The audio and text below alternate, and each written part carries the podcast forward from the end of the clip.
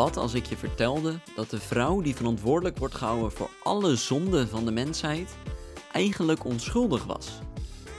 Leuk dat je luistert naar een nieuwe aflevering van Boekenrek, een HarperCollins podcast. Ik ben Sjors en in deze aflevering mag ik wederom twee auteurs verwelkomen die zorgen voor een goede mix van spanning en educatie. En dat zijn namelijk Jeroen Windmeijer en Jacob Slavenburg. Na het succes van hun eerdere boek Het ISIS-geheim besloten de thrillerauteur en cultuurhistoricus hun krachten opnieuw te bundelen. Deze keer duiken ze diep in de Bijbelteksten en dan wel in het boek Genesis. Want het verhaal van Adam en Eva is misschien niet helemaal gebeurd zoals je denkt. Vandaag verwelkom ik in de Boekenrek podcast wederom Jeroen Windmeijer en Jacob Slavenburg. Welkom terug beiden. Dankjewel. Hoe, uh, hoe is het uh, met jullie, Jeroen? Um, ja, nou ja, zoals iedereen denk ik, dat, je het, uh, dat het allemaal nu heel erg lang duurt. Hè. We zitten een jaar in deze situatie. Dus het is, ehm, het is raar. Ik merk wel dat eh, het vasthouden van de routine die ik altijd had, dat me dat erg helpt. Dus ik heb een kantoortje in de stad waar ik gewoon elke dag uh, zo rond 8 uur ben tot eind van de middag tot 4 uur, 5 uur. Om te, te schrijven, te lezen, te, te studeren. En dat heb ik eigenlijk volgehouden. En dat heeft me een soort uh, vastigheid gegeven, een soort uh, houvast, die me erg geholpen heeft bij het doorkomen van deze, van deze gekke tijd. Ja. Ik merk nu ook dat nu het lente wordt, dat het me ook, uh, ja, ook echt weer lucht geeft. De ramen staan hier open, ik hoor de vogeltjes zingen, de zon schijnt. Dus die hele grijze, sombere periode van de afgelopen tijd is ook weg. En dat doet me ook heel erg goed, merk ik. Ja, nou, dat snap ik. En hoe is het met jou, Jacob? Ja, wel, wel goed, uh.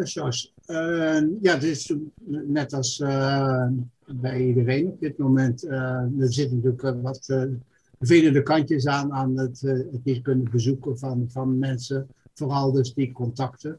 het is ook zo dat mijn colleges die ik geef, die gaan allemaal via Zoom. Dat is op zich wel een aardig hulpmiddel, maar ik begrijp dus wel dat die scholen dus uh, graag weer die studenten in hun klas willen zien, want je kan de mensen niet aankijken, dus je kreeg fysiek contact. Maar aan de andere kant is het ook wel een uh, prachtige gelegenheid om er volop te schrijven. Dus wat, we ja. zijn dus uh, behoorlijk opgeschoten dus met, met, met het boek wat binnenkort uitgekomen met Jeroen samen. En ik ben daarnaast nog een boek aan het schrijven wat ook het, in dit jaar nog uitkomt over de renaissance. Dus uh, ja, dat, dat werkt wel uh, heel, heel vruchtbaar. Het geeft ook gewoon de tijd om even de focus te leggen op de dingen die die focus nodig hebben, zonder afleiding. Ja, ja, ja. absoluut. Maar zoals gezegd, we zijn nu een jaar verder in, in deze gekke tijd. Want vorig jaar rond deze tijd kwam jullie eerste boek uit, Het ISIS-geheim. En toen hebben we een hele mooie boekpresentatie gehouden in het Rijksmuseum voor Oudheden in, in Leiden was een uh, groot succes. Maar eigenlijk ging uh, nog geen halve week later ging heel Nederland op slot. En uh, begonnen we eigenlijk aan deze rollercoaster. Um, nu zijn we hier en toch hebben jullie weer samen een, een boek geschreven. Um, maar ja, dat is toch een beetje anders gegaan, kan ik me voorstellen. Ja, dat was inderdaad heel anders. Want bij de vorige keer hebben we elkaar toch meerdere keren fysiek ontmoet. Dan gingen we koffie drinken bij het, bij het Rijksmuseum van Oudheden op Drapenburg. Is natuurlijk hartstikke leuk om aan een boek over ISIS te werken, terwijl we koffie dronken naast de ISIS-tempel die in die grote hal staat. Um, en nu schreven we en dan stuurden we de hoofdstukken naar elkaar op om uh, ter beoordeling uh, voor te leggen. En dan spraken we ja, via de Skype, spraken we elkaar of we mailden elkaar. En dat is dan toch wel heel erg, uh, ja, heel erg gek. Het ging wel goed hoor. We hebben een heel goede manier gevonden om, om samen te werken. Maar het, is natuurlijk wel, het zou natuurlijk wel veel leuker zijn geweest om elkaar gewoon uh, in het echt te zien. Maar het ging verbazendwekkend goed, want ik denk dat we in drie, vier maanden de eerste versie van het EVA-complex uh, af hadden. En toen zijn we natuurlijk nog lange tijd bezig geweest om het uh, fijn, te, fijn te slijpen. Maar ehm, zelfs op afstand hebben we goed kunnen samenwerken. Ja, want Jacob, jullie zijn een beetje op dezelfde manier te werk gegaan. zoals bij het ISIS Geheim van de ene doet heel veel research, de ander uh, probeert er een verhaal van te maken. En, en leggen jullie dat aan elkaar voor? Hoe is dat uh, gegaan bij, eh, bij nu het nieuwe boek, het Eva-complex? Ja, dat is eigenlijk in grote lijnen wel hetzelfde. Uh, het, uh, we hadden op een gegeven moment een idee. En, en dat heeft zich uh, naar twee kanten uitgewerkt. Het, het, het idee uh, was uh, heel sterk dus de, de accent leggen dus op, uh, op Eva, waar het natuurlijk ook naar genoemd is. En daarbij kwam dus, en dat is natuurlijk een hele mooie inbreng, dus die, die, die hele geschiedenis van het paradijs met vooral de slang. En die slang is eigenlijk een steeds belangrijke rol kan spelen. En, en ja, dat, dat leidt dus tot, tot, eigenlijk tot hele mooie resultaten. Dat hadden we eigenlijk ook van tevoren dus niet, niet gedacht. Het is een beetje zo gegroeid in, uh, ja, in, de, in de contacten die we hadden. En wat Jeroen net vertelde, de, de uitwisseling die we hadden. We hebben trouwens wel een paar keer elkaar nog gezien hoor. In die tussentijd ja. nog altijd veel, veel minder als dus uh, bij uh, het ISIS-schijn het geval was. Dus het is, ja, we, we zijn eigenlijk heel erg enthousiast over hoe het, hoe het proces verlopen is. En vooral dus hoe, hoe, het, hoe het eindproduct eruit gekomen is. Het is gewoon heel organisch gegaan. Ja. ja, het begint dan eigenlijk bij het idee van, van, van Jacob en bij zijn uh, ja, onvoorstelbare kennis op dat uh, gebied van het vroeg christendom, van de gnostiek, van die mysteriën. En uh, ik, heb, ik ben met dat verhaal aan de, aan de gang gegaan, daar hebben we natuurlijk met elkaar voortdurend over gesproken. En wat ik zelf altijd wonderlijk vind, is als je zo'n verhaal eenmaal bent begonnen, hoe zo'n verhaal zichzelf afdwingt, als het ware, hoe het dan zichzelf ontwikkelt. En dan uh, ja, op een bepaald moment heb je bijna het idee dat je terwijl je zit te schrijven, dat je als het ware naar iemand luistert die het verhaal aan jou vertelt. Dat je het alleen nog maar hoeft op te schrijven. Alsof het geen andere kant op kan dan de kant die het opgaat. De slang is heeft een grote, zo'n grote rol gaan spelen. De hoofdpersoon Frank van As is een slangendeskundige die bij uh, het Museum Naturalis uh, werkt hier in Leiden. Uh, en langzaam ontvouwt zich eigenlijk een, ja, een heel mysterie, ook weer een heel nieuw licht werpt, ook voor mij op de rol van de slang, op de rol van Adam en Eva, op de rol van uh, de zonde, de rol van de vrouw in de kerk. Dat is eigenlijk weer een uh, ontzettend boeiend verhaal geworden, terwijl we het ook ja, in een heel spannende vorm hebben kunnen gieten, denk ik. Ja, want jullie gaan bij voor dit boek wel echt uh, terug naar uh, het begin van de Bijbel. Dat, dat verschilt wel met het Isersgeheim natuurlijk. Um, en jullie kijken echt naar, naar, naar Genesis en naar het verhaal van Adam en Eva uh, weet je zeggen, de slang. Uh, nou, laat ik ten eerste zeggen, Jacob, jij geeft uh, les in de gnostiek. En voor de mensen die dat uh, niet weten wat dat precies is, kun je precies uitleggen wat gnostiek inhoudt?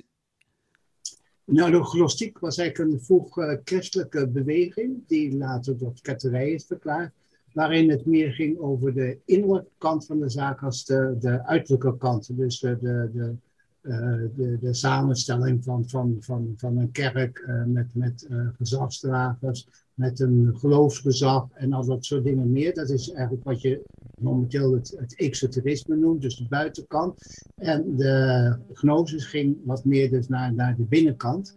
En, en zij gebruikten ook heel vaak dus mythen en beelden om eigenlijk het onzegbare uit te drukken. Dat is een beetje in het kort wat, wat de gnosis doet. Oké. En dat houdt dus eigenlijk ook een beetje in, want ik heb uh, in een ver verleden ook uh, colleges uh, glostiek ge gevolgd bij jou in Utrecht. Um, dat, dat houdt dus ook wel in bij dit soort thema's, zoals bij een Genesis, dat je ook op een heel andere manier naar dat verhaal gaat kijken. Hè? Dat, je, dat je niet per se, wat je net zegt, voor lief neemt wat, wat bijvoorbeeld de kerk zegt, hoe dit geïnterpreteerd moet worden, maar dat, dat je verder kijkt dan dat. Ja, ja, en dat is denk ik ook wel het boeiende dus van het boek wat we samen geschreven hebben.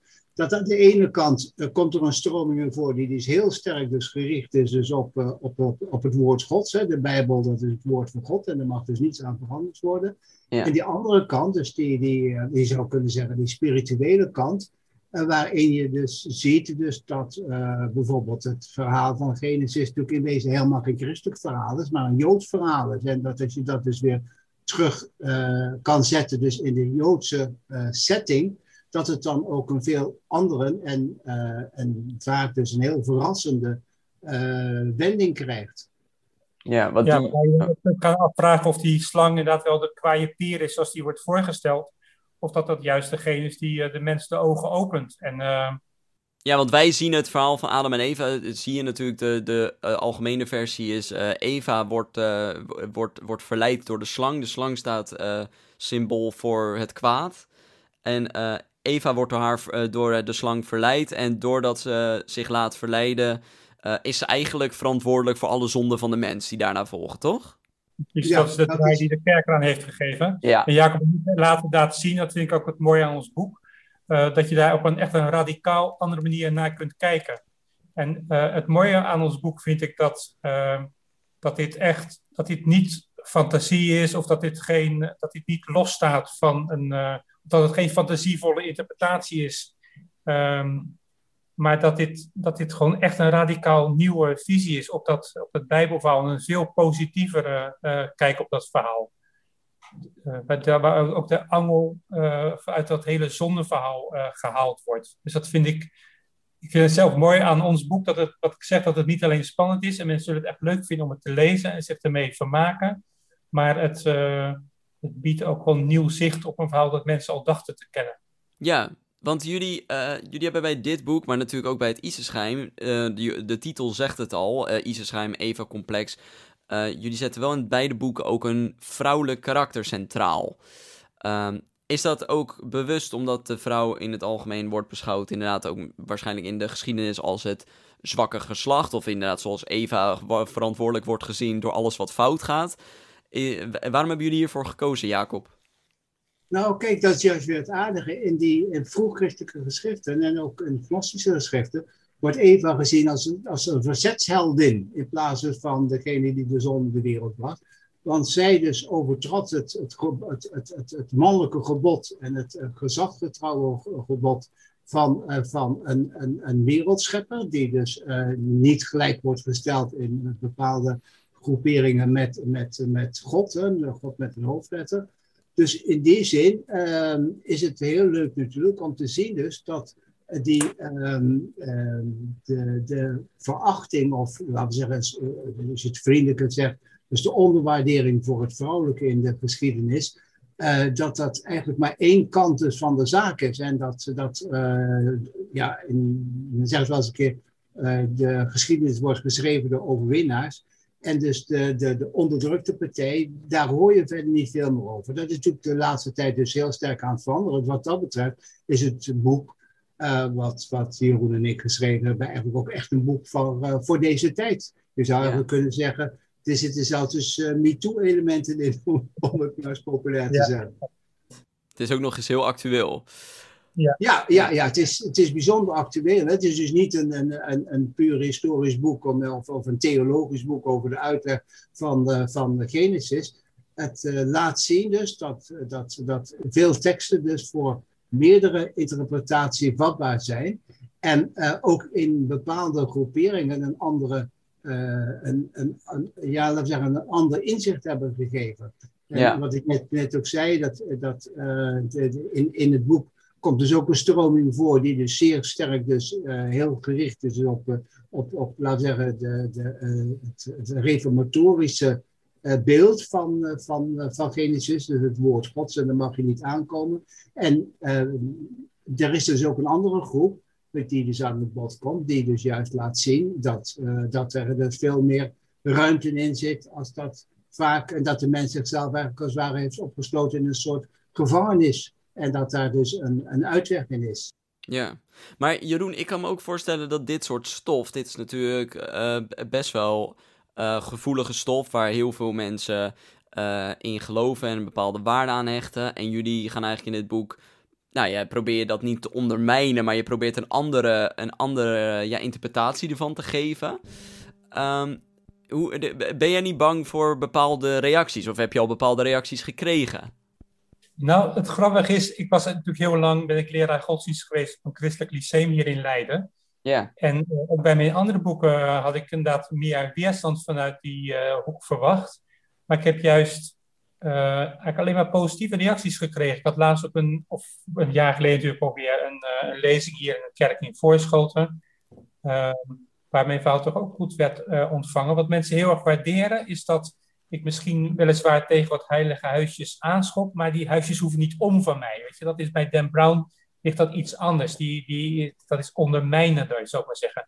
Ik denk dat ik legitieme vragen stel uh, en dat mensen het fijn vinden dat ik op een respectvolle manier omga met uh, iets wat voor hun heilig is. Hè. Uh, met het beeld van, van, van Jezus of het beeld van, van de Bijbel dat, dat mensen hebben.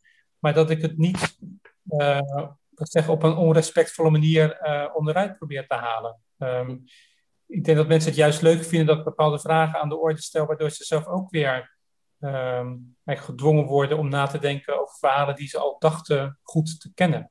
Ja, dus het is wederom een boek van jullie uh, wat gewoon heel spannend is om te lezen, maar ondertussen ook gewoon een, iets educatiefs biedt en nieuw perspectief biedt om over bepaalde dingen na te denken. Ja, ik denk dat Jacob en ik allebei toch leraar zijn in, in hart en nieren. Ik vind zelf het thrillers waarin je ja, alleen op de laatste bladzijde ontdekt eh, wie de dader is. Ja, ik, dat vind ik dan vermakelijk of daar kan ik me mee vermaken. Maar uiteindelijk vind ik dat dan niet bevredigend. Ik hou zelf toch van boeken waar ik, uh, uh, ja, waar ik dan ook nog iets van, van opsteek. En ik denk dat boeken van mij en die van Jacob en mij daar perfect aan voldoen. Ja, en dit is dus gewoon, dit boek is tot stand gekomen in zo'n gekke jaar als afgelopen jaar. Ehm, dus uh, dat bewijst dat er gewoon, uh, nou wat Jacob net ook al zei, dat je gewoon, uh, dat het ook wel heel veel focus biedt om juist dit soort mooie verhalen te schrijven. Um, zit er voor jullie hierna nog meer in? Zijn jullie bezig al met wat anders? Of zijn jullie, gaan jullie hierna weer je eigen weg? Hoe, hoe ziet de toekomst eruit voor dit schrijversduo? Nou, we zijn al met een derde boek bezig zelfs. Het is nu, Kijk. de werktitel is de Magdalena-kwestie. Dat, is, dat kan natuurlijk nog van alles aan veranderen. Magdalena uh, is ook eens typisch zo'n vrouw die uh, door de kerk op een bepaalde manier is voorgesteld. Als een, als een vrouw van lichte zeden, laat ik het zo zeggen. Ehm, maar daar valt dus ook weer heel wat op, op af te dingen. Het is eigenlijk een bewerking van een boek dat Jacob al heeft geschreven. Maar dat zijn we nu samen opnieuw onder handen aan het nemen om dat in een heel nieuw jasje te, te gieten eigenlijk. Jullie worden wel langzaam de, de voorvechters voor de, voor de vrouwen in de geschiedenis, hè? Ja, het wordt een soort sterke vrouwen-trilogie. Ja. dat onze redacteur al zei. Dus uh, dan heb je Isis en Maria en, uh, en Eva. Dus ja. dat is hartstikke mooi.